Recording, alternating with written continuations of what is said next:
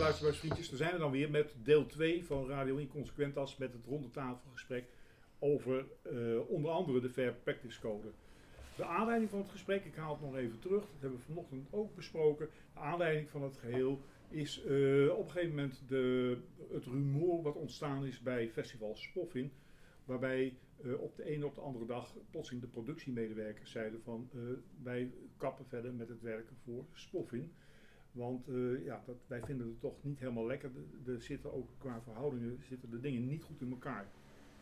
Nu hebben we niet de, als doel bij dit ronde tafelgesprek om de privéproblemen bij Spoffin op tafel te krijgen. Maar het was wel aanleiding om te zeggen van ja, dat is natuurlijk wel een ding dat meespeelt. Als we kijken naar de begrotingen van uh, de festivals en van de musea en de culturele kunstinstellingen.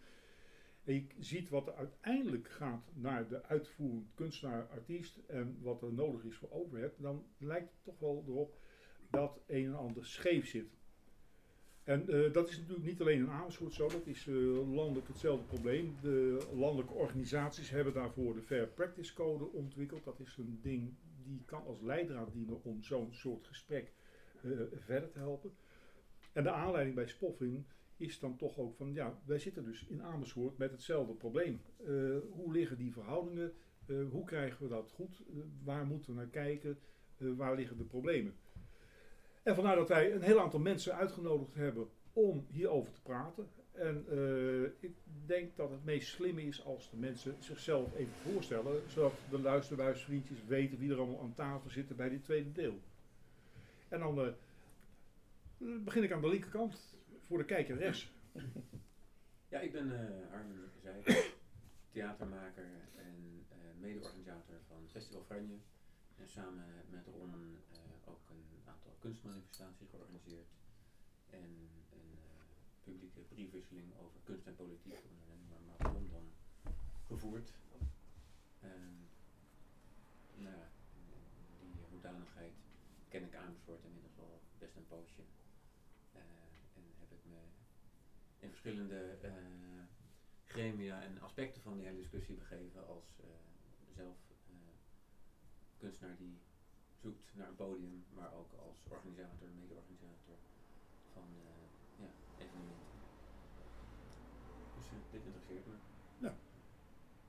Ik ben Adina van Wely en een jaar of elf betrokken geweest bij Stichting Per Expressie in Amersfoort. Een stichting die de talentontwikkeling van jongeren stimuleert. Uh, wordt gesteund door de gemeente Amersfoort. Met Ron heb ik nu al zes edities van Blauwdruk samen met Martin Honings um, waargemaakt. En ik geloof dat ik hier zit omdat ik projectmedewerker ben bij Kunst 92. En dat is de Belangenvereniging voor Kunst, Cultuur en Erfgoed. En een van de aanjagers en initiatiefnemers van de Fair Practice Code.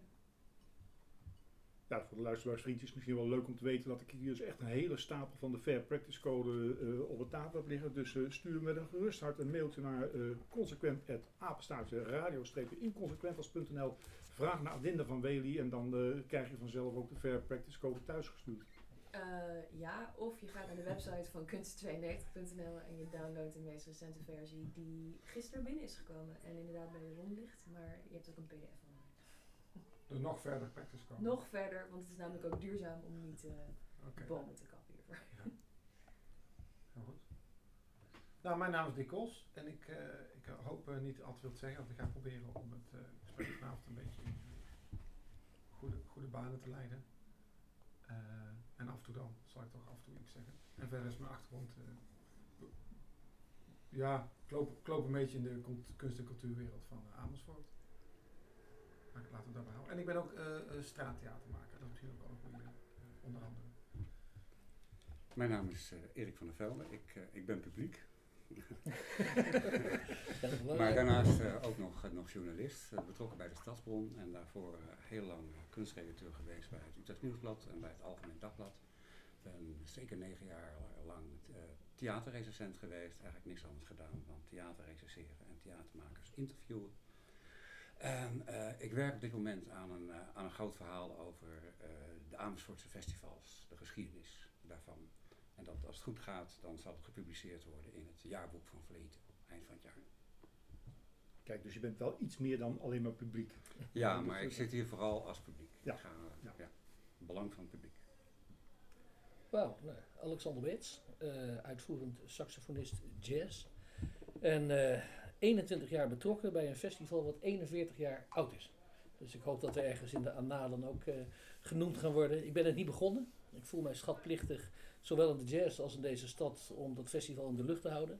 En dat is eh, best een behoorlijke klus, eh, kan ik je vertellen. Ja, ik ben ook nog bestuursvoorzitter van de vakbond bij de Kunstenbond, vakgroep muziek. Dus daar behartig ik belangen van 3.500 muzikanten. En ik zit in bestuur van de Raad van Rechthebbenden van de Norma. En ben adviseur bij de SENA. De, doe wat dingen met de rechterorganisaties dus daarnaast. Eh, Gaf je ook geen les? Ik geef ook les op de Rock Academie. Ik ben coördinator van het kennisonderwijs al daar. Ik woon nog twee dagen in de week. Dus eh, vandaar. Ja. En, en, desondanks heb je toch nog wel tijd om eh, zeg maar Amersfoort Jazz te organiseren. Kijk, het enige als ik de Rock Academie studenten uit moet leggen, zeg maar, wat de parallel is, dan zeg ik, ik kan heel goed onverkoopbare muziek gewoon aan de man brengen. En of het nou speed metal is of jazz, dat maakt er niet zo heel veel uit. Dus, eh, en dan heel soms heb je ook studenten als Duncan, die eigenlijk Duncan de Moore heet, maar iedereen kent hem als Duncan Lawrence, die vier jaar lang als student op de Rock Academie was. En die ik eh, heel veel eh, dingen bij mogen brengen over hoe je do-it-yourself je carrière vormgeeft. Dus Ja. voor mij eigenlijk, ik ben gewoon simpelweg ondernemer in muziek en ik kan erover lullen, ik kan het zelf maken en kan dingen organiseren. Maar het is soms wel een beetje druk, ja. Kijk, maar dat is natuurlijk heel prettig om te horen dat je erover kunt lullen, want dat is heel handig nu bij een ronde tafelgesprek. Ja. Ja. Ja, dat eh, lijkt mij wel. Allemaal hele stille of lege mensen. Ja, ja, ja, dus, dus waarschijnlijk hebben we nu gewoon de solo van Alexander Beets dadelijk. En dan, Ik ben eh, Mike King. Ik ben sinds eh, 1 april eh, eh, zakelijk directeur bij Spoffin. En dus ook eh, eh, mede aanstichter, denk ik, eh, voor dit gesprek. Eh, daarnaast ben ik ook nog zakelijk leider bij Puppet International, een pop- en objecttheaterfestival in Meppel. Ik ben coördinator van de Vereniging van Buitentheaterfestivals. En ik ben ook nog interim manager bij een poppodium in Lelystad. Want ik kom oorspronkelijk uit de popmuziek. En van oorsprong ben ik Amersfoort, maar al een tijdje weg. en heb je ook in, in Amersfoort wat gedaan met de popmuziek? Ik heb in Amersfoort wel wat gedaan met popmuziek. Ik ben een van de medeoprichters geweest van de kelder. Ja. Dus de voorloper van uh, Fluo. Toen je nog goor mocht zijn. Dus je was eigenlijk, eh, eigenlijk was je kraker. Eh, nee, daar kwamen de krakers, eh, de belangenvereniging van muzikanten en eh, de scholieren kwamen bij elkaar. Ah, En ja. ik kwam uit die laatste groep eh, mensen. Ja, ja, ja. Oh, dat- gelukkig, dus je bent geen kraker. Nee, wat Ik heb, nou, in het kraakspel. verleden heb ik wel wat gedaan, ja. Oh, dat is een ver verleden. Maar dat, dat, ja, dat, dat strafbare Maar dat was feit is niet in ieder geval helemaal, eh, dat is eh, zeg maar verlopen. Daar, daar, daar, daar kunnen we niet meer op aangaan. Oh, dat was ook niet strafbaar hoor. Oh, dat is niet. Al- Althans toen niet. Ja. Nee. nou ja, eh, hartelijk welkom. Ehm, eh, laten we maar gelijk beginnen met het, meest heikele punt van.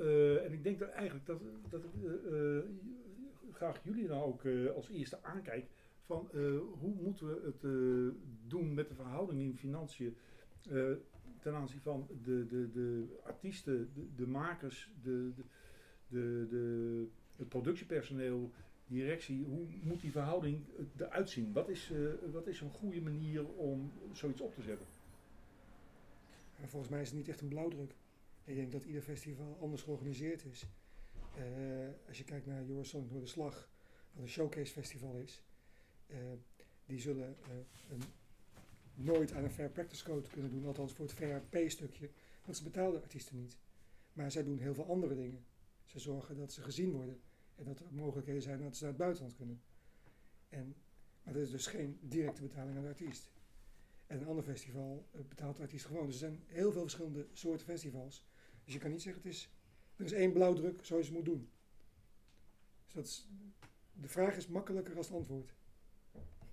Mm, Ja, da- da- daar waren we. Daar waren was je vanochtend waarschijnlijk ook al uit, denk ik. Hè? Daar was je vanochtend ook al uit. Ja, ja, ja, ja. Kennen jullie de voorgeschiedenis van de Fair Practice Code? Oh, dat is misschien wel. Heeft Ja. iemand zich ingelezen? Nee. Ja, Ik ken de 92 van een poosje. maar- Ja, maar in 2016 kreeg Kunst 92 als een van de aanjagers de opdracht om na te denken over de arbeidsmarktagenda voor de culturele sector. Hoe gaan we ervoor zorgen dat de komende 100 jaar nog steeds een culturele sector überhaupt bestaat in Nederland? Hoe maken we het duurzaam? Ehm, met jonge mensen, dus vanaf ja, zeg maar bottom-up, is er nagedacht over een gedragscode. En dat is de Fair Practice Code geworden. En dat is naar een voorbeeld van eh, onze zuidenburen. In België hadden ze al zoiets. Eh, wij zijn er inmiddels iets anders mee omgegaan en zijn ook een stapje verder gegaan daarmee. Minister van Engelshoven heeft nu al anderhalf jaar zich sterk gemaakt voor deze Fair Practice Code. En zodra het werd gelanceerd in ehm, oktober 2017, zijn er heel veel grote partijen die, en dit is zeg maar het sleutelwoord, gesubsidieerd worden en in de bis zitten. Wij willen heel graag kunstenaars even goed betalen of evenveel, maar dat maakt dat de productie minder wordt. Als ik 100 miljoen heb in mijn budget en op deze manier nu duizend mensen kan inhuren, maar ik moet ehm, iedereen eerlijk betalen, kan ik maar de helft produceren. Dus hoe zorgen we ervoor dat ehm, de kwaliteit blijft behouden en dat de productie net zo hoog blijft op die manier. Toen hebben de fondsen bijgesprongen. En de grootste fondsen in Nederland, VSB, Mondia, Prins Bernhard en Cultuurparticipatie, hebben allemaal nu in hun ehm, reglement staan dat als je geld aanvraagt voor een productie in de kunst en cultuur, wat dus eigenlijk altijd is, eh, dat dan minimaal 50% moet naar honoraria. En de honorariumrichtlijnen. En een fair code is niet, ehm, kan niet worden getoetst. Er is geen loket dat kijkt of een bedrijf of een organisatie wel of niet fair practice is. Maar het is inmiddels wel een stempel geworden die je mag verdienen. En die ervoor zorgt dat eh, heel de wereld, in ieder geval in Nederland, dat wij begrijpen dat ehm, fair practice werken in hun statuten staat. Dat is het eigenlijk. Dus een Eurosonic Noorderslag kun je als voorbeeld geven, maar hoeveel daarvan is subsidie? Ik denk dat je moet gaan nadenken over, ehm, als, je, als we het vandaag hebben over festivals, over de, de begrotingen, de budgetten van een festival. Maar dan mag je niet zeggen 100% uh, van het budget is uh, uh, zoveel geld. Daarvan moet de helft naar kunstenaars gaan, daarvan moet een kwart naar de productie. Zo kun je het denk ik niet inrichten, maar bij het inzetten van subsidie vanuit een landelijk budget, um, of een gemeentelijk of een regionaal of provinciaal budget, zijn er wel richtlijnen waar je aan moet houden. Punt. Het is eigenlijk. Gemeenschapsgeld. Nou, ja, weer, eh, en in het advies van de Raad voor Cultuur van afgelopen april staat het plan van 2021 tot 2024, waarin staat dat de verdeling van die subsidies veel meer regionaal gaan worden. Ja, het dat is volgens mij, het is nog geen harde eis. Wat? De, de, het, het aan de Fair Practice Code houden voor de komende Nee, kunstperiode. dat Als vanaf ik. 24 is het een harde eis. Ja, maar het is, ik, daarom, daarom noem ik het ook een ge- gedragscode en er is Ja. geen loket om het te toetsen. Maar wees het voor. Ja, ja, nee, nee, dat ben ik een beetje toe. Ja, precies. Probeer nu al na te denken over Ja. hoe je het in je organisatie gaat gebruiken. En uh, wordt niet de, de achterhoede die je niet begrijpt. Maar zou, begrijp ik het goed dat zo'n showcase festival niet zou kunnen volgens de Fair Practice Code? Dat weet ik niet, want ik weet niet hoe hun begroting eruit ziet. Ja, maar die artiesten worden niet betaald. Die treden Ja. gratis op Ja. en met het Ja, idee ja. in de hoop dat ze geboekt worden. Ja en nee. Het is dus moeilijk, want er is eigenlijk geen goed antwoord. Behalve dan dat wij vinden dat iedereen fair moet worden eh, behandeld. Maar is fair dit fair? practice code, nou ja, fair practice code, iedereen struikelt steeds over eerlijke honorering. Want eh, het meest aantrekkelijk om over te praten is geld, want dat gaat iedereen aan. Maar de fair practice code heeft vijf waarden. Namelijk solidariteit, vertrouwen, diversiteit en transparantie. En eh, die vier moet je ook niet vergeten in een organisatie. Dus als Eurosonic Noorderslag, zijn er toch een naam aan het noemen. Maar stel je voor zo'n showcase festival als Eurosonic, geeft aan, kijk, wij zijn transparant over onze begroting en onze budgetten. Wij streven ernaar om solidair te zijn naar de artiesten. Ehm, wij proberen dus op deze manier zeg maar, niet eh, ervoor te zorgen dat alle mensen eh, boven in kantoor met dikke BMW's rijden. Maar begrijp dat wij niet anders kunnen dan dit. Maar daarvoor in de plaats krijg je dit. Dan is het wel fair. Het gaat er meer om dat de mindstate van mensen, de bewustwording, wordt aangewakkerd door fair practice. Fair practice kunnen we waarschijnlijk de komende decennia niet zijn. Ja, nee, Maar wie, is tegen Fair Practice? Het klinkt, het klinkt mij nogal vaag. Ja, maar we leggen, het is wel zo dat we natuurlijk Ja. heel vaak de nadruk leggen op het VHP-stukje. Ja, En het is meer, en dat is gewoon goed dat het gezegd wordt. Ja, want het is ook fair share en fair chain. En chain is de ketting, is het organogram, is de transparantie. Maar dat is de ook een van de redenen, denk ik, waarom eh, eh, eh, de situatie bij Spoffing voor ons ook wel aanleiding was om de hele discussie aan te, te kaarten. Want eh, daar hebben we het vanochtend ook over gehad dat mensen, ja, op een gegeven moment eh, eh, eh, je sto- stopt met, met hart en ziel stop je in eh, eh, ben je bezig met een festival, je werkt ervoor, je hart en ziel zit erin en je accepteert een heleboel dat wat minder loopt. Maar op een gegeven moment moet er binnen al die facetten moet het dan zo worden dat, dat je wel de zin blijft houden. En dat was bij Spoffing dat ze zeiden van ja, maar nou is dat is net ons een brug te ver. Ja. Dat betekent dus dat een organisatie dus ook eh, eh, redelijk goed, naar mijn idee, voeling moet houden met datgene wat er op uitvoerend niveau plaatsvindt en hoe ze dat in, in, in, in een goede verhouding krijgen met elkaar. Mhm. Geldt ook niet voor elke werkgever. Ja, en wie wil nou niet fair zijn? Ja. Ik, ja, ik ben een beetje teleurgesteld. Ik vind het zo, zo vaag. Zo'n fair practice code. Ik dacht, het is gewoon helder. Artiesten die betaal je gewoon goed, normaal. Maar ja, er zijn dus ook Ja, maar dat- kennelijk Ja, maar heel veel uitzonderingen. Wacht even, Nee, maar het gaat de niet vraag, om wat is goed en wat is normaal? Ja. Is er een norm? Het is namelijk niet mogelijk om een minimumtarief te stellen voor iedereen uit de culturele en creatieve industrie. Nou, maar ik kan even nu kort iets vertellen, want de Fair Practice Code is leuk, maar daar is natuurlijk ook een voorgeschiedenis aan. SENA is begonnen met de gagenorm. Vanuit de Kunstenbond, toen de NTB, eh, hebben we dat ingezet en verteld, luister, als jij subsidie aanvraagt bij ons voor alle projecten, betaal je alle kunstenaars, professionele uitvoerders 250 euro minimum. Zo niet, moet je het niet doen. Onze grote vriend van de VNPF, Berend Schans, Kees eraan, razend waren ze. Dat was marktvervuiling. Ik zeg, je hoeft niet aan te vragen. We zien nu dat die gagenorm bij de SENA begonnen is, die overgenomen is door de Norma, dat we nu te maken krijgen met een interessant gegeven dat Buma Cultuur aanklopt en zegt, willen jullie ondersteuning leveren voor eh, ons eh, Eurosonic Noorderslag Festival? We zeggen, ja prima, als jij je muzikanten betaalt voor voor de, volgens de gagenorm. Ze hebben dat nu opgelost voor dat deel waar ze subsidie voor aanvragen, waar de CNA in ondersteunt, wordt gewoon 250 euro betaald als basis. Nu even terug naar Amersfoort Jazz. Wij betalen altijd de gagenorm. Ondanks het feit dat we hier internationale programmeurs naartoe halen, ondanks het feit dat we aan kunnen tonen dat vanuit hier we carrières nationaal en internationaal kunnen faciliteren, begint het bij het faciliteren van gewoon een normale nette gage. Dat is voor ons het uitgangspunt. Wat is een gagenorm? Gagenorm betekent dat weer minimaal de muzici voor een uitvoering 250 euro uitkoop betaalt. Dus dat betekent dat ze een factuur kunnen sturen van 250 euro voor hun artistieke prestatie. Per artiest of Per per band? artiest. Nee, per artiest. Dus je verdient als artiest altijd 250. Altijd 250 als professionele artiest. Als Ja. ik een big, amateur big band heb hier uit Amersfoort, dan kan ik dat niet doen. Dat bespreken we ook. En die krijgen dan een lump sum wat in een stichting gaat. Maar alle professionele muzikanten, 250 euro. Alle internationale artiesten die hier optreden, 600 euro. Dat vind ik nou, dit vind ik nou weer helemaal niet vaag. Dat vind ik Nee, wel maar, en Ja. dan gaan we even terug naar dat Showcase Festival. Kijk, vaak wordt Showcase misbruikt. Om te zeggen, ja, het is goed voor je carrière. Ik bedoel, ik heb de studenten op de Rock Academie, dat zit ook aan de andere kant, hè. Die moeten allemaal naar Groningen. Dan zeg ik, oh prima, we gaan naar Groningen. Wat gaan we doen dan? Waar gaan we staan dan? Wie willen we dan ontmoeten? Kunnen we, die pers- kunnen we daar wat mee? Het is namelijk ook een drogreden, want in wezen is ooit onderzocht dat de economische waarde van Eurosonic Noorderslag voor de stad en de provincie in totaal, eh Gerard Malet dat uitgerekend, of 43 miljoen euro is. Daar worden enorme bedragen betaald, ook door de EU. En uiteindelijk zeggen ja, die muzikanten niet betalen. Dan ga ik even terug weer naar onze vrienden van de VNPF. Die uiteindelijk eh, in een hele leuke discussie terechtkwamen. Ja, god, maar luister, dat is marktverdieking. Ik zeg maar, mag ik eens kijken naar die begroting van die poppodia? Hoeveel publiek geld gaat daar naartoe? Ik zeg, mijn vraag is simpel. Betalen jullie het programma, de stenen of de organisatie? Pim van den Berg zei, ja, ik denk alle drie. Ik zeg, nou Pim, ik toon hierbij aan dat er geen enkele euro naar de uitvoerende gaat. En dat die zelfs moeten zorgen dat het laatste eh, gat in de begroting gedicht wordt. Mijn stelling is heel simpel. Van elke vorm van publiek geld wat we aan cultuur geven, gewoon verhouding 1 derde stenen, 1 derde programma, 1 derde organisatie. Als je dat bij de Flint neer zou zetten, heb je het fantastisch.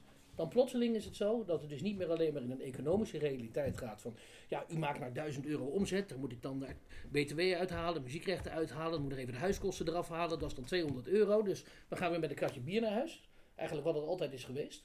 En op het moment dat je dus economisch redeneert, dan vind ik dat prima. Je kan van Mojo veel dingen zeggen, maar in ieder geval op, op dat onderdeel zeggen, ja goed, wij zijn niet gesubsidieerd, dus dan mag je dat op die manier kijken. Als je wel met publiek geld gefinancierd bent, en net zoals de Flint en eh, ook andere plekken, moet zorgen voor een prachtig cultureel aanbod, hoe reëel is het dan om zelf in de CA CAO te zitten en uiteindelijk het probleem dat het niet kostendekkend is, volledig over de schutting van de maker te kieperen.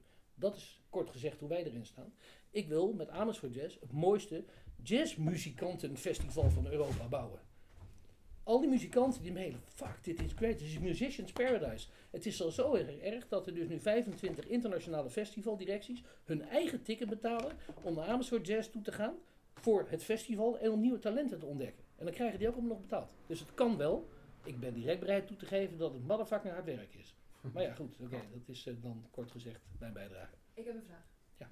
Ehm, je noemt om, oké, laatst wat je zei was om talenten te ontdekken tijdens een jazzfestival. Maar ik denk dat je wel een onderscheid moet maken in die twee festivals, omdat Eurosonic een showcase festival is, waarbij je dus kunt zeggen, dit zijn nog geen professionele muzikanten en de professionele muzikanten van jouw festival. Dan moet je Wanneer- toch kijken naar de line-up. Ja, maar wanneer ben je professioneel? Nou, op Ik denk dat voor de popmuziek is dat gewoon heel moeilijk te zeggen. Daar is de grens tussen amateur en, en, en professional is, die gaat heel geleidelijk gaat het over. En wanneer, waar die grens ligt. En waar is het wel makkelijk te Kijk, zeggen?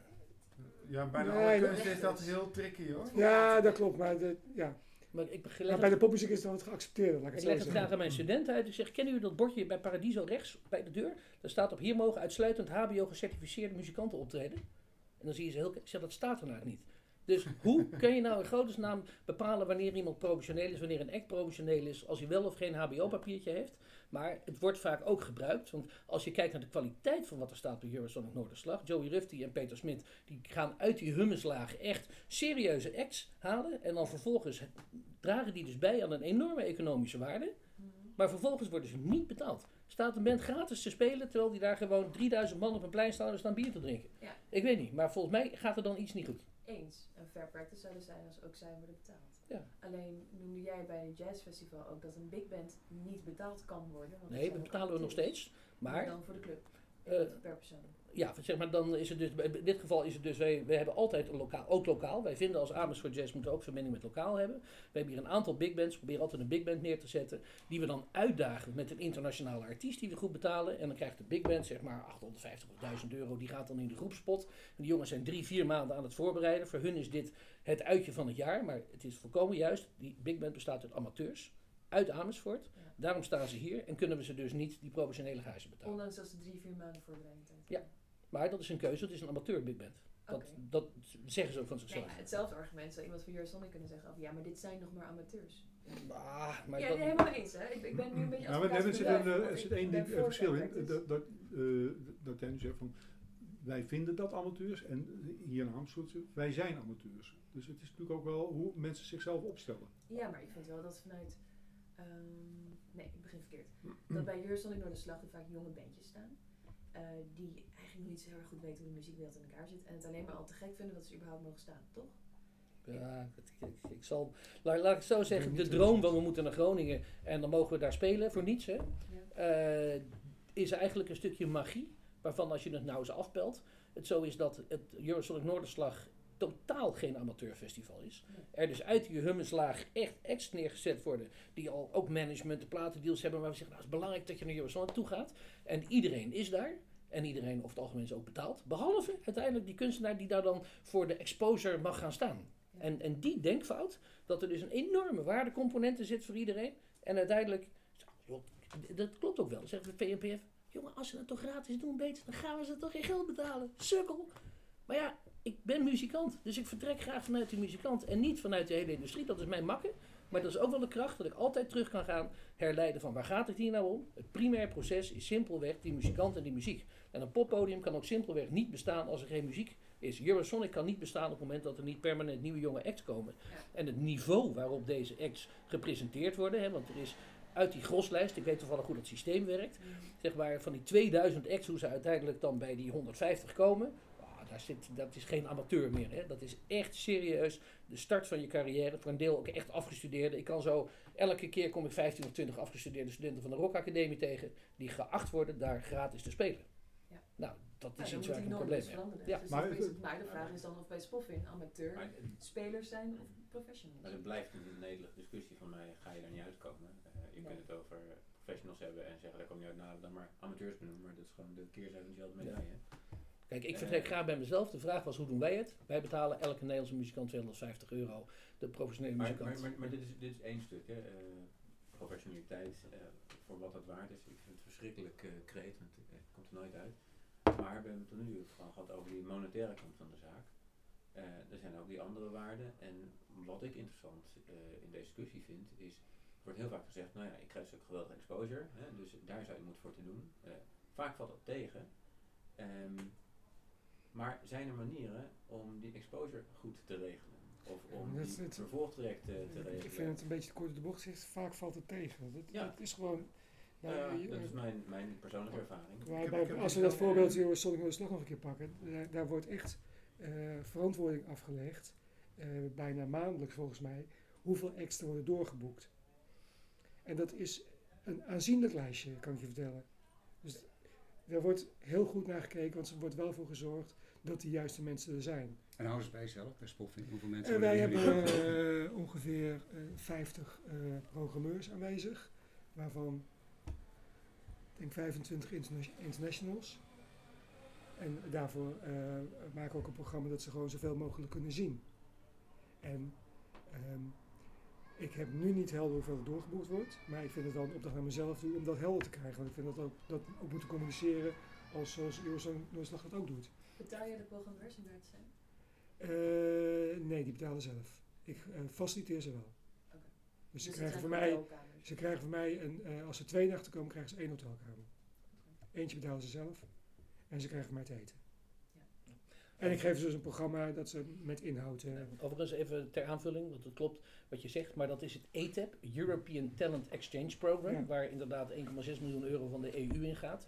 En die hebben ook een afnameverplichting. Hè? Dus je Mhm. gaat daar naartoe en je bent verplicht extra af te nemen. maar Dus gebeurt wat ja. meer als die afnameverplichting. Nee, maar dus, dus het systeem werkt, maar dus de, de- verantwoording in deze is, het is, we krijgen hem ook zeg maar bij de SENA, maar de basis is dat voor de EU-verantwoording ze heel goed moeten laten zien wie er zijn. Dus zonder meer is voor een aantal acts een holy grail, een- echt een stap in hun carrière, om naar Groningen toe te gaan en van daaruit internationaal gewoon te gaan toeren. Absoluut. Maar voor de verduidelijking, ik betaal ook gewoon een gezelschap. Hè? Ik betaal, een deel van de gezelschappen betalen we, een deel van de gezelschappen betalen we niet. Die zitten in het OFF-programma. En die spelen dus voor, voor het mansgeld. Voor het Voor het mansgeld, zoals we het noemen. mansgeld. Voor het geld wat met de hoed. De hoed. En dat is dan 100% van hun. Oké. En waarom... eh, En dat is een aanzienlijk bedrag nog hoor, wat ze ophalen.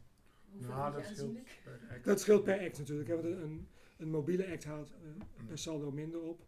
En een goede act, eh, die ook gewoon goed weet te mansen, eh, die kan eh, toch wel aanzienlijk wat geld ophalen. En zou een... Oké, en de mensen die dus daarvoor kiezen, zijn dat professionals? Of Ja, die schrijven zich in. Ja. Oké, dus die kiezen ervoor om dat te doen. ja.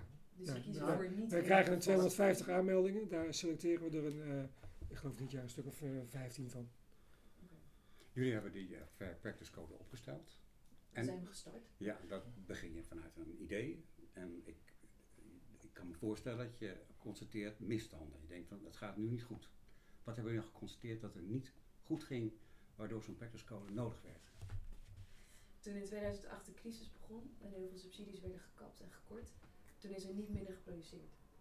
Dus dat laat zien dat de culturele sector en de creatieve industrie, die noemen we altijd in één adem, dat die eh, genoeg passie voelt om te blijven bestaan. Ondanks dat men eigenlijk niet rondkwam. En dat, dat ging niet goed. Dus de makers betaalden eigenlijk de prijs voor de crisis. Absoluut.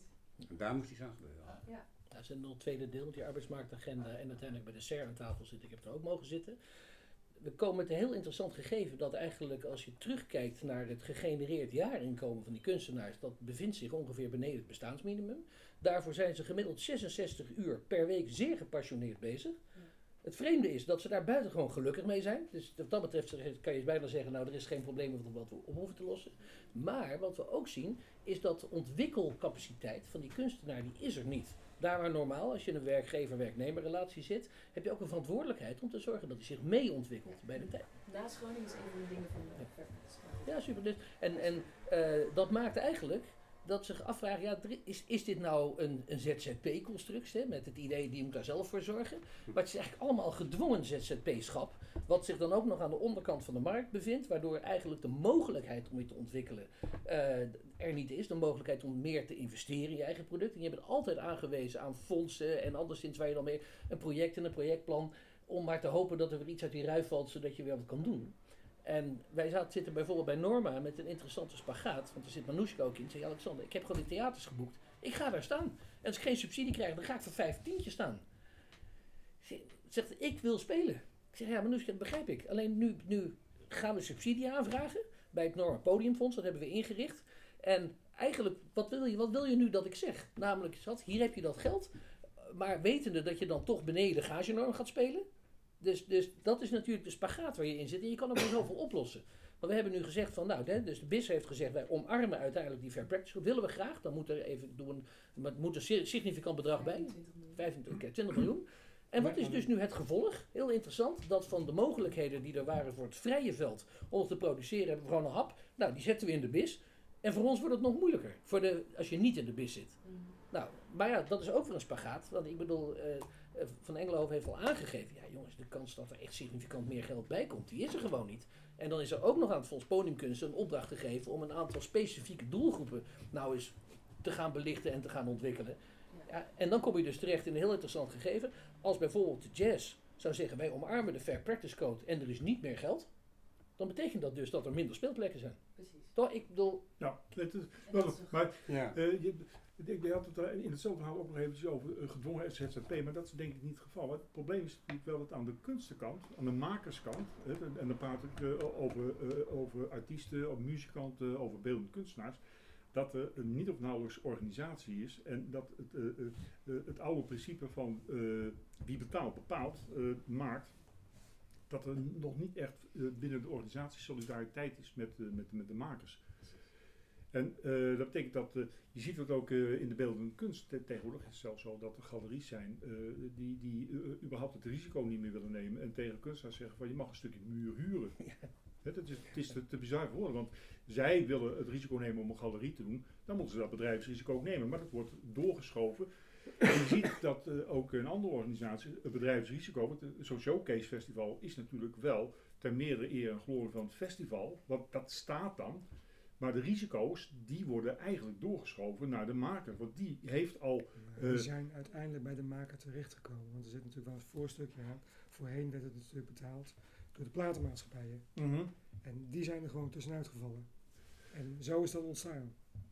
Nee, het oké, werd maar natuurlijk gewoon altijd betaald. het zou wat dat betreft, en dat is in die zin natuurlijk bij die Fair Practice Code, het zou eh, denk ik ook eh, heel nuttig zijn als die Fair Practice Code, en dat is voor mij minder vraag denk ik dan voor Erik, het zou heel erg handig zijn als de, de, ook de organisaties die eh, zich bezighouden met de kunstensector, eh, zeggen van ja, wij hebben ook een verantwoordelijkheid. We moeten niet eh, alles over de schutting gooien bij de makers. We moeten zelf ook toch onze poot wat stijver gaan houden. En nou ja, wat je, zegt, van, je verdeelt, je zegt van een derde gebouw, een, een- een derde organisatie, een derde makers, zou bij een heleboel situaties al een, een, een hele andere verhouding opleveren. Ja, ik noem het dat- vaag omdat dat er niet zo duidelijk beschreven staat in de practice code. Wat Ja. jij zegt Ja. gebeurt al. Eh gisteren, nee, vanochtend deelde Mondia voor ons dat er weer vier nieuwe musea zijn bijvoorbeeld in Nederland. Die Hm. hebben getekend dat ze voor Fair Pay, Fair Jane, Fair Share zijn. Namelijk Stedelijk Museum Amsterdam, best wel groot, Boymans van Beuningen. En nog twee die ik even niet- Boymans ook? Boymans Want ook. die heeft zich, eh, Charles X die heeft zich eh, nadrukkelijk als verklaard tegenstander En opgesteld. Toch is er getekend. Hm. Het grootste probleem vind ik, is dat alle makers, als ik zo mag noemen, of alle opdrachtnemers, eh, zich niet verenigen.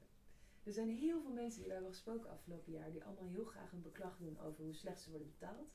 Ik heb een operazangeres gesproken die 42 euro mocht factureren voor 8 uur repeteren. Dat is gênant. Dat kan gewoon niet. Maar die zit dan niet in de vakbond. En dat vind ik gek, want jij zegt zelf van ja, je moet je een beetje verenigen en zo. Maar er zijn heel veel makers zich niet bewust van het feit dat je samen sterker staat. Dus dit jaar is ook ingericht om de Fair Practice Code meer aan de man te brengen. We gaan heel veel presentaties, lezingen, workshops geven. Eh, een organisatie kan ons inhuren om langs te komen. Er is ook budget vanuit ehm, de Fair Practice Code om dat te, te doen. Je hoeft helemaal niet zoveel te betalen om iemand daar te krijgen. Om gewoon na te denken over de herstructurering eventueel van je organisatie en die bewustwording te creëren. We kunnen het niet gaan veranderen in een jaar tijd, maar we kunnen wel voor zorgen dat iedereen begrijpt dat het relevant is en urgent. Ja, en het is natuurlijk wel een tegenkracht. Maak het even heel dicht bij huis. De Flint, prachtig voorbeeld. Harold daar natuurlijk geweest. En uiteindelijk, ja, dan moet ook weer de duimschroeven aan, want het publieke geld is op. Dus Harold, ga maar meer in de commerciële verhuur. Nou, dan moet ik die tent wel verbouwen. Want, bedoel, eh, als je wil dat ik een mooie congreslocatie ben. Dus dan gaan het aantal voorstellingen van 200 naar 100. En de resterende deel gaan we in commerciële verhuur. Hebben we dat net op poten. Wat natuurlijk al interessant is. Want de vraag is eigenlijk, waar, wat is nou het bestaansrecht van die Flint? Volgens mij is dat juist om te zorgen dat we zo divers mogelijk cultureel aanbod kunnen aanbieden voor Amersfoort en de regio. En daar past eigenlijk dus die commerciële verhuur niet in. Maar ze worden die kant op gedwongen.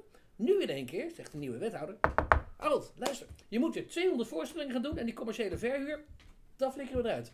Ja, maar dat was niet het idee. Hè? Nee. Het idee was dat je met die commerciële verhuur de programmering zou kunnen betalen. Juist, alleen nu zitten we dus... Maar, we Maar het heeft dus niet zo uitgepakt. nee, Ik Het is gewoon een mislukking eigenlijk. Ik ken geen club waar dat goed uitgepakt. nee, nee maar dus, dus je Maar kijkt... dat was het idee. Ja, jullie gaan de programmering zelf verdienen op die manier. Ja, eigen inkomsten. Ja, eigen, eigen verdiencapaciteit vergroten, dat is natuurlijk prachtig. Dus ik zie overal in Nederland in die theaters, ik speel er zelf, dat eigenlijk gewoon eh, eh, het publiek afneemt. Dat de, zeg maar de, de betrokkenheid van het theater bij zeg maar, dit hele culturele programmering die ze in die stad in de regio moeten hebben ook weg is. Joh, als jij zo nodig op het podium wil staan is prima. kom maar langs eh, en ik neem mijn, theatertoeslag en dat soort dingetjes. Dus enerzijds is er een kaalslag, anderzijds zie je dat heel veel locaties op een gegeven ogenblik gedwongen zijn om een eigen verdienmodel te creëren, naast het feit dat ze cultuuraanbod moesten doen. En nu in één keer komen we tot de slotsom hey, maar dat is eigenlijk niet wat we willen. Kijk, ik juich het toe dat er 200 of 250 voorstellingen staan, dat vind ik fantastisch. Ja, maar het eigen verdienmodel blijkt niet te werken dan. Nou ja, dat is de vraag. Ik bedoel, uiteindelijk eh, is Amersfoort een evenementenstad geworden. En Harold heeft in ieder geval significant een aantal congressen daar naar binnen gehaald waarmee hij geld verdiend heeft. Alleen, Alleen die- de programmering neemt af. Ja. Raar, hoe kan dat? nou ja, dat kun je natuurlijk ook. Ik bedoel, als je die zalen hebt en je gaat uiteindelijk hele gekke afwegingen maken. Namelijk van, ja, ik kan even 5000 euro met een congresje verdienen. Weet je wat, dan moet ik ruimte voor creëren zodat ik die congressen binnen kan halen. Dus ik doe alleen op vrijdagavond, zaterdag en zondagmiddag programmering. Maar je noemde er nog een ander interessant ding bij. Eh, dat is dat eh, eh, nou, je hebt ook je binding nodig met de regio. Ja. En dat is ook een, een, een- ding wat we, eh, naar mijn gevoel, in Amersfoort eh, toch wel redelijk uit het oog verloren hebben. In hoeverre eh, hebben de theaters, de, de musea, de, de festivals nog echt goede binding met de regio? En, en, dan gaat het niet alleen om het publiek, maar dan gaat het ook om de binding met de makers en dat soort dingen. Ik denk dat we daar natuurlijk ook een aantal dingen uit het oog verloren zijn. Ja, maar ik denk dat het ook gebeurd is in de.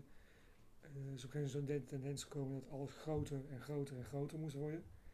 En dan, dan ga, je, ga je daar daarvoor. Eh, en dan zou het kunnen zijn dat je inderdaad eh, je omgeving wat meer uit het oog verliest. Maar volgens mij is er nu alweer een tendens dat dat groter, groter, grootst al weg is. En steeds meer de, de blik op de eigen omgeving is. Omdat blijkt dat als je dat verliest, je, je basis gewoon weg is Ja. en je gewoon instort. Dus ik denk dat dat eigenlijk, dat zijn golfbewegingen die gewoon in iedere sector gewoon terugkomen. En, en ik wil even op grote, grote, grote, want we hadden het al eh, een beetje erover dat, dat ergens de artiesten ook wel hun eigen eh, vijand zijn in die zin. Die willen vooral optreden. Dat je zegt, ze zijn niet minder Die willen doen. Die willen, dat is heel, ik bedoel, een andere vakken. Ik bedoel, een bakker bakt geen brood. Ja, ook wel, dat zal ook wel leuk vinden. Maar als ze geen brood komen kopen, gaat hij echt niet doorgaan met bakken om eh, bergen brood Dat gebeurt niet. Het is, dat is wordt een aparte tak woord. van spok. Ja, het is bijna... Voor- En, ehm, maar dat geldt denk ik ook. ehm, dus gaan ze ook af en toe voor te weinig en, en, eh, of niet eh, betaald op. Maar dat geldt denk ik ook voor, voor eh, op een groter niveau voor festivals. Die A van, van allerlei potjes die gewoon minder geld krijgen. Maar van hun, die doen dat ook niet omdat het, omdat het nou zo eh, ontzettend een vetpot is. Wel Ja. Maar die doen het ook omdat ze vooral iets moois willen neerzetten. Ja, en vergeet ook niet de risico's bij een festival. Hè? Mhm. Veel festivals worden vanaf de grond op, eh, vanaf de grond af opgebouwd. En als het slecht weer is, dan heb je geen inkomen. Punt. Ja, ja. Maar, en je- ja, precies. Dat is Maar anders dan stenen. En- maar- en- er is, is er nog geen festival dat zegt... Tenminste, ik heb nog niet gezien dat een festival zegt tegen de gemeente of een, een subsidie van... joh, als je dit wil, of als je zo gaat korten, ja prima, maar dan, dan kan ik nog maar dit. Dat gebeurt wel hoor. Ja, Mm, maar Natuurlijk wel. Doen jullie dat? En wij proberen natuurlijk het maximale te doen. Dat, dat doet ieder festival. Je, probeert, je hebt een, eh, eh, beperkte middelen en daarmee probeer je zoveel mogelijk te doen. Maar jullie krijgen een toch van de gemeente Amersfoort? Wij krijgen een meerjaarssubsidie van de gemeente, van de provincie en een tweejaarlijkse van het Rijk, van het Fonds. En vul je dat aan met eh, fondsen? Maar dat is 50-50? beperkt omdat, nee, de, de fonds is gewoon veel minder. Omdat we, eh, net als eh, de jazz, gewoon een gratis festival zijn. En is de fondsen gewoon eh, een lastig, lastige partij om binnen te komen. Ja, want je bent natuurlijk ook niet meetbaar qua bezoekers. Oh, dat wel hoor, maar het gaat erom dat de aantal fondsen, eh, eh, of tenminste die geven geen geld aan gratis toegankelijke eh, festivals. Is gewoon een criterium. Ik wil nog even terugkomen op wat Alexander zei. Die zei van als we vasthouden aan die gratienorm, dat dat we gaan altijd die gratienorm betalen, betekent dat minder speelplekken.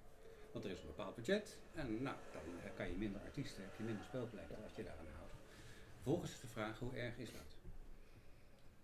Nou ja, Voor de artiesten is het erg, in de enerzijds, want er zijn, ze hebben minder speelplekken. Maar als ze kunnen optreden, worden ze ook goed betaald.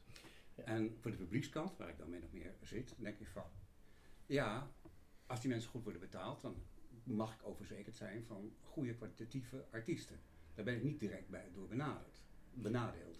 Nee, maar dan wel even terug naar de basis. Want als je dan die gedachtenlijn volgt, dan moet je ook je wel de vraag stellen waarom hebben wij dan nog acht jazzconservatoria in Nederland en tien pop, HBO en MBO-opleidingen die permanent zorgen voor een output van minimaal 2000 mensen die een carrière beogen in die muziek, daarvoor vlieguren moeten maken, zichzelf moeten ontwikkelen, een relatie met het publiek op moeten bouwen, eh, ook zichtbaar voor internationaal netwerk moeten zijn. En dan gaan we terug van oké, volgens mij, als je dus eh, bijvoorbeeld zegt er zijn minder speelplekken, dan gaat dat er direct toe leiden.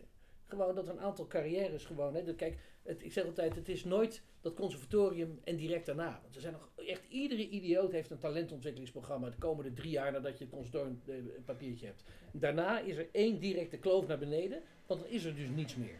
Kijk, en dat speelklimaat, daar hebben we een verantwoordelijkheid. Kijk, of we moeten met z'n allen zeggen van luister, ik bedoel, die hele jazzmuziek is een museummuziek, die flikkeren we gewoon overboord en we gaan nu naar urban en hip-hop toe. Dat kan, dat kan hè? Nou, je hoeft niet zo drastisch te doen. Je kan ook zeggen, we kunnen het aantal kunstopleidingen verminderen. Jawel, dus dat is een van de antwoorden die ik geef naar de kunstopleidingen. Maar wij hadden in Nederland een ongelooflijk interessant, mooi, divers speelklimaat. Waarin heel veel echt dingen gecreëerd werden die ook internationale zichtbaarheid hadden. En gaandeweg merk je ook dat iedereen denkt, man, what's happening in the Netherlands?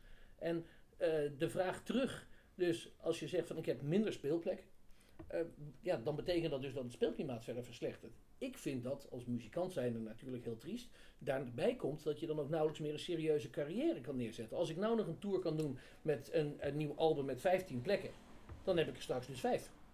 Dus als je strikt vasthoudt aan die 250 euro norm, zou ik maar zeggen, kill je enigszins het culturele klimaat. Nou ja, of je moet gaan zorgen dat, je, eh, dat er meer plekken komen. Dat er een bredere betrokkenheid bij het publiek is. Dat je niet alleen maar meer naar die norm kijkt. Ik, kijk, ik roep altijd, het enige kunstje wat ik probeer te doen, is de waarde verkapitaliseren die dat festival in zich heeft. En dan moet je dus niet alleen maar kijken, iedereen denkt horizontaal van ja, maar dan moeten we naar de, de horeca toe, want die verdienen zoveel geld. Prima, maar dat is een discussie die is eindig, zo'n deel. Je kan ook zeggen van ja, maar ik heb ook een economische waarde voor de stad. De gemeente die heeft altijd het idee dat cultuurpot dat het een kostenpost is. Ik bedoel, er zijn gewoon onderzoeken die aantonen dat elke euro geïnvesteerd in cultuur 3 euro oplevert. Mhm. Je kan ook naar de provincie toe gaan en dat is dan gestapeld. En die zat ook zeggen, ja, Amersfoort. Ik zeg, en dan moet je met een heel steekhoudend argument komen en zeggen, provincie, weet u dat u 96% van uw budget uitgeeft aan de stad Utrecht? Oh, nou, met wat kracht gaan ze dan wel overstag, hebben we met samen gedaan. Dan gaat het naar de, die rechtenorganisatie. Ik zeg, luister, als jullie willen dat wij professionele werkgelegenheid neerzetten, verwacht ik wel dat je ze ook inchipt. Dus op die manier moet je eigenlijk in een soort, zowel verticaal als horizontaal, proberen dat te verkapitaliseren. En als je dan teruggaat, mijn ambitie is om zoveel mogelijk mensen in aanraking te laten komen met deze muziekstroming. Want als ik van die 80.000 mensen vraag van, zeg, bent u jazzliefhebber? Dan zegt 75.000, nee, ik hou er helemaal niet van. En zeg ik, heeft u genoten? Fantastisch, lekker weekend mooie muziek ook. Nou ja, dat is mijn zendingswerk. Mhm. Maar ja, ik ben er niet begonnen. Hè? En ik heb ook ooit gezegd, misschien moet ik ook een keer een strik omheen doen. Hm. En zeggen, joh, gaan we wat anders doen. Maar even terug naar, naar, naar, naar, die opmerking, Ja. naar jouw vraag. Je zit eh, gewoon in de spagaat. Dat geldt natuurlijk ook voor de muziek, dat geldt Ja. natuurlijk ook voor, voor een showcase festival eh, al- als Spoffin. We zien het ook bij de beeldende kunst. Op een gegeven moment, eh, als je eh, doorgaat met het onderbetalen, zwaar onderbetalen van degene die het maken, dan eh, heb je ook vanzelf een kaalslag. Je ziet, eh, je ziet een heleboel mensen die ook op een gegeven moment vanuit de muziek eh, boekverkoper worden of eh, een managementfunctie nemen. We zien of, dat bij de Kunstenbond, of hoeveel kunstenaars zich omscholen. Hè. Zeg, Mm. Alsjeblieft mag ik een omschooltraject. En dan komen ze achter, hé, hey, ik kan met mijn papiertje van het conservatorium ook op een kinderdagverblijf eh, Mm. werken. Gelukkig, nou, dan kan je die mensen helpen. Maar er is natuurlijk wel Maar dat is ongelooflijk veel natuurlijk desillusie. gelijktijdig is dat dan ook, eh, zeg maar, binnen het kunstenveld is dat gelijktijdig een kaalslag. Ja. Want het is niet zo, eh, dat is een soort misvatting die er wel heerst. Het is niet zo dat de mensen die zich dan terugtrekken uit het kunstenveld, dat dat dan de nitwit zijn. Er zitten ook eh, hele getalenteerde mensen die gewoon niet aan de bak komen, die zakelijk dat niet redden en dus ja, andere dingen gaan doen. Ja. Dus dat onderbetalen is net zo goed kaalslag als het, het welbetalen. Dus Ja, maar je moet dingen met elkaar afstemmen. Als je kiest als land van we willen, hebben, we willen een heel divers eh kunstopleidingenpakket hebben, en dat hebben we. Ja, er zijn ik, ik heb toch geloof ik nog even meegemaakt dat je in Nederland maar drie eh, theaterscholen had, toneelscholen had. Arnhem, Maastricht en Amsterdam. En als je daarop zat, had je gegarandeerd werk. De gezelschappen die haalde je meteen binnen. Eh, en toen kwam er een ontzettende hoos aan ongelooflijk veel theateropleidingen. Ja. En ook aan conservatoria, met allerlei mbo-opleidingen en takken. En dat ging maar door en ging maar door. Daar kan je als kiezen voor als land. Maar dan moet je tegelijk natuurlijk ook die budgetten voor Ja. de theaters laten meegroeien. En dat is kennelijk niet gebeurd. Ja, en er is nog iets, als je dat niet doet, wat gaan die mensen dan doen? Want er is een, ook een andere langetermijn trend. Eh 100 jaar geleden was 80% eh, van de bevolking eh, boer. Dat hoeft niet meer. We hebben niet veel boeren, niet veel broodbakkers meer nodig. Eh, we hebben misschien niet 80% eh muzici nodig, maar het zou wel kunnen. Want die mensen zijn niet nodig om de bestaansvoorwaarden van eh, het leven vorm te geven. Dus het, is een hele fundamentele vraag van hoe geef je maatschappij vorm op het moment dat je de basale behoeften zover hebt geautomatiseerd dat maar een heel klein deel van de beroepsbevolking daarvoor nodig is. Dus, eh, eh, ja. We kunnen van kunst en cultuur misschien een primaire behoefte maken. Voor Ja, mij dat- is dat een primaire eh, behoefte. nee, maar, maar dat, is, dat is precies de kern van de zaak. Ja. Ja, een van de dingen En, die... en gebruiken die welvaart om die slag te maken. Ja. En zo ja, hoe ziet dat eruit? En kom je dan op een weg met het heel hard koppelen van een economische realiteit en verdienmodellen aan eh, inhoudelijke imma- immateriële waarden? En dat mag zelfs, want wordt hier ook wel in die, die code nog een keertje benoemd, dat heel veel waarde die gecreëerd wordt, uiteindelijk leidt tot geld wat niet bij de kunstsector of de kunstenaar terechtkomt. Het heet de Bohemian Index, hè, waarbij uiteindelijk de mate van creatievelingen in een, in een deel van een stad berekend wordt. En dan zie je dus dat als er veel creatievelingen zijn, dat er dus eh, een soort hip-hip wijk ontstaat waar mensen graag willen wonen, waardoor er enorme gelden verdiend worden door projectontwikkelaars en door huizenstijgingen. Ja. Maar dan kunnen de kunstenaars niet meer betalen en die Ja, maar gaat hoe weg. zorg je dat die stromen ook weer Nou ja, in, eh, eh, en- hoe heet dat, Eiburg, hebben ze op een gegeven ogenblik bedacht, alle parkeergelden die binnenkomen, die moeten ten goede komen aan kunst en cultuur in Eiburg. Zo. Er ligt, dat is heel interessant, Ja, want dan zitten ze echt te wachten op leuke projectvoorstellen van, moeten we daar geen jazzfestival organiseren, ik wil een mooi theater neerzetten. Dan denk ik, wauw, daar heeft Ja, iemand... maar dat is slim. Ik bedoel, het gentrificatieverhaal is ook zoiets. Je hebt kunstenaars nodig om een omgeving hip te maken en aantrekkelijk. Ja. Dan gaan de mensen wonen, worden al die kunstenaars eruit gebonjourd. En dan denk je, ja, maar daar gaat iets mis, want je hebt die net zo hard nodig om het interessant te houden. Ja. En, je- nou ja. Een beetje een zijpaadje maar dat- vind ik toch wel prettig om wel even op te merken dat je nog een ander ding hebt eh, waar binnen de cultuursector, binnen de kunstsector, waar we ook naar mijn gevoel veel alerter op zouden moeten zijn. Eh, binnen de politiek wordt er dan gesproken over het vele geld dat gaat naar de kunstensector. Maar als ik dan kijk, je hebt zelf al de Flint genoemd, maar Amersfoort IC is ook zo'n verhaal. Eh, als ik kijk naar de kosten, die er, het geld dat er gaat naar de, de verhuur van het gebouw, denk ik, dat noemen we dus cultuurgeld. Dus dat noemen we kunstgeld. De kunstenaars liggen aan de kunstruif, zeggen we dan, aan de subsidieruif. Maar dat geld gaat wel naar de projectontwikkelaar die zegt van mag ik graag incasseren. Ik geloof dat de helft, eh, ongeveer 50% van de Amersfoort gaat naar, naar, de, naar de gebouwenbeheer. Dat is nogal, nogal geld. Dat heeft helemaal geen zak te maken met kunst en cultuur. Voor de Flint is dat ook toch een deel, want die verbouwing is gefinancierd. En daardoor hebben we een hogere verhuur. Dus dan krijgt hij, die, ik noem even een fictief bedrag, 2,1 miljoen. Maar dan moet het, alweer, het, het grootste deel alweer direct terugstorten op de bankrekening van de gemeente. Ja. het beste voorbeeld. Ja. Ja, dat is ook heel erg fout gedaan. Maar wij we- binnen de kunstsector hebben natuurlijk ook wel een beetje geld. Dus ik kan er best een glaasje water inschenken met een ijsklontje. Ja, mag ik gemeentepils? Ja, wel een glaasje gemeente. Zullen we ik denk- sowieso heel even een pauze eh, Ja. houden? Dan eh, zet ik hem heel even uit. En dan eh, zet ik hem straks weer aan hoor. Ja, dan mogen jullie weer vrij praten. En dan mogen je gewoon weer schelden, slaan en zo. Even een mat, uh, matwoordje.